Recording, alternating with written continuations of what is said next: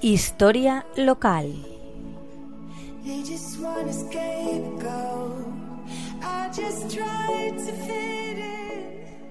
Buenas tardes, amigos de la Tegua Radio. ¿Habíais oído hablar de Escharcos o la basa de la tía Juana? Seguro que más de uno habrá oído a sus abuelos contar que iban a bañarse allí y a coger renacuajos en esas balsas que fueron los primeros baños públicos de nuestro pueblo.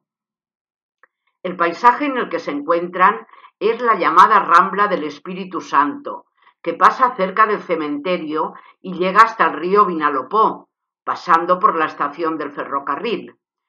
También se denominaba Rambla de la.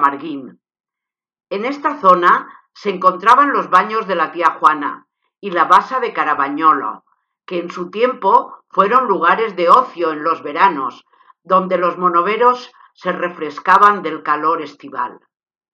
Está en el término municipal de Monóvar y sus aguas contienen mucho salobre, por lo que también se creía que tenían propiedades curativas para las afecciones de la piel.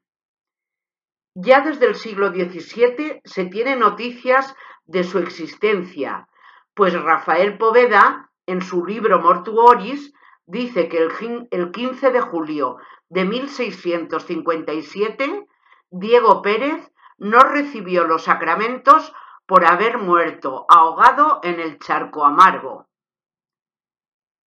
El agua surgía en la balsa de la tía Juana y volvía a renacer en la de Carabañolo.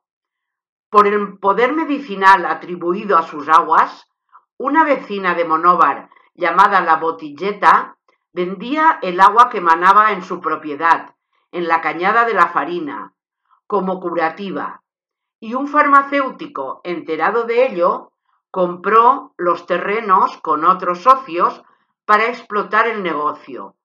Pero el uso de explosivos para conseguir que el agua manara con más fuerza acabó con el manantial.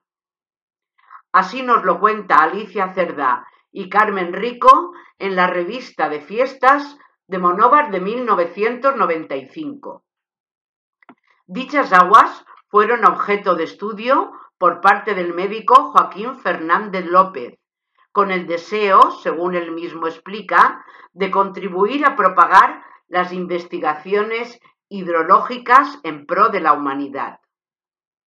Había dos balsas de baños, una para hombres con un cañizo para dar sombra y sentarse en las tardes de verano, y otra para mujeres, que tenía una empalizada de cañizo para evitar las miradas curiosas dirigidas a las mujeres cuando éstas tomaban los baños. También había cobertizos para cambiarse y dejar la ropa. El baño costaba diez céntimos.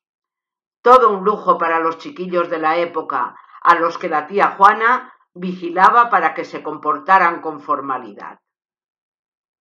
Cosas de antaño, amigos, que siempre nos gustará recordar.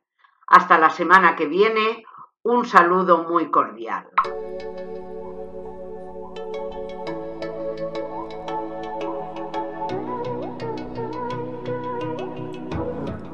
Historia local. just tried to fit in.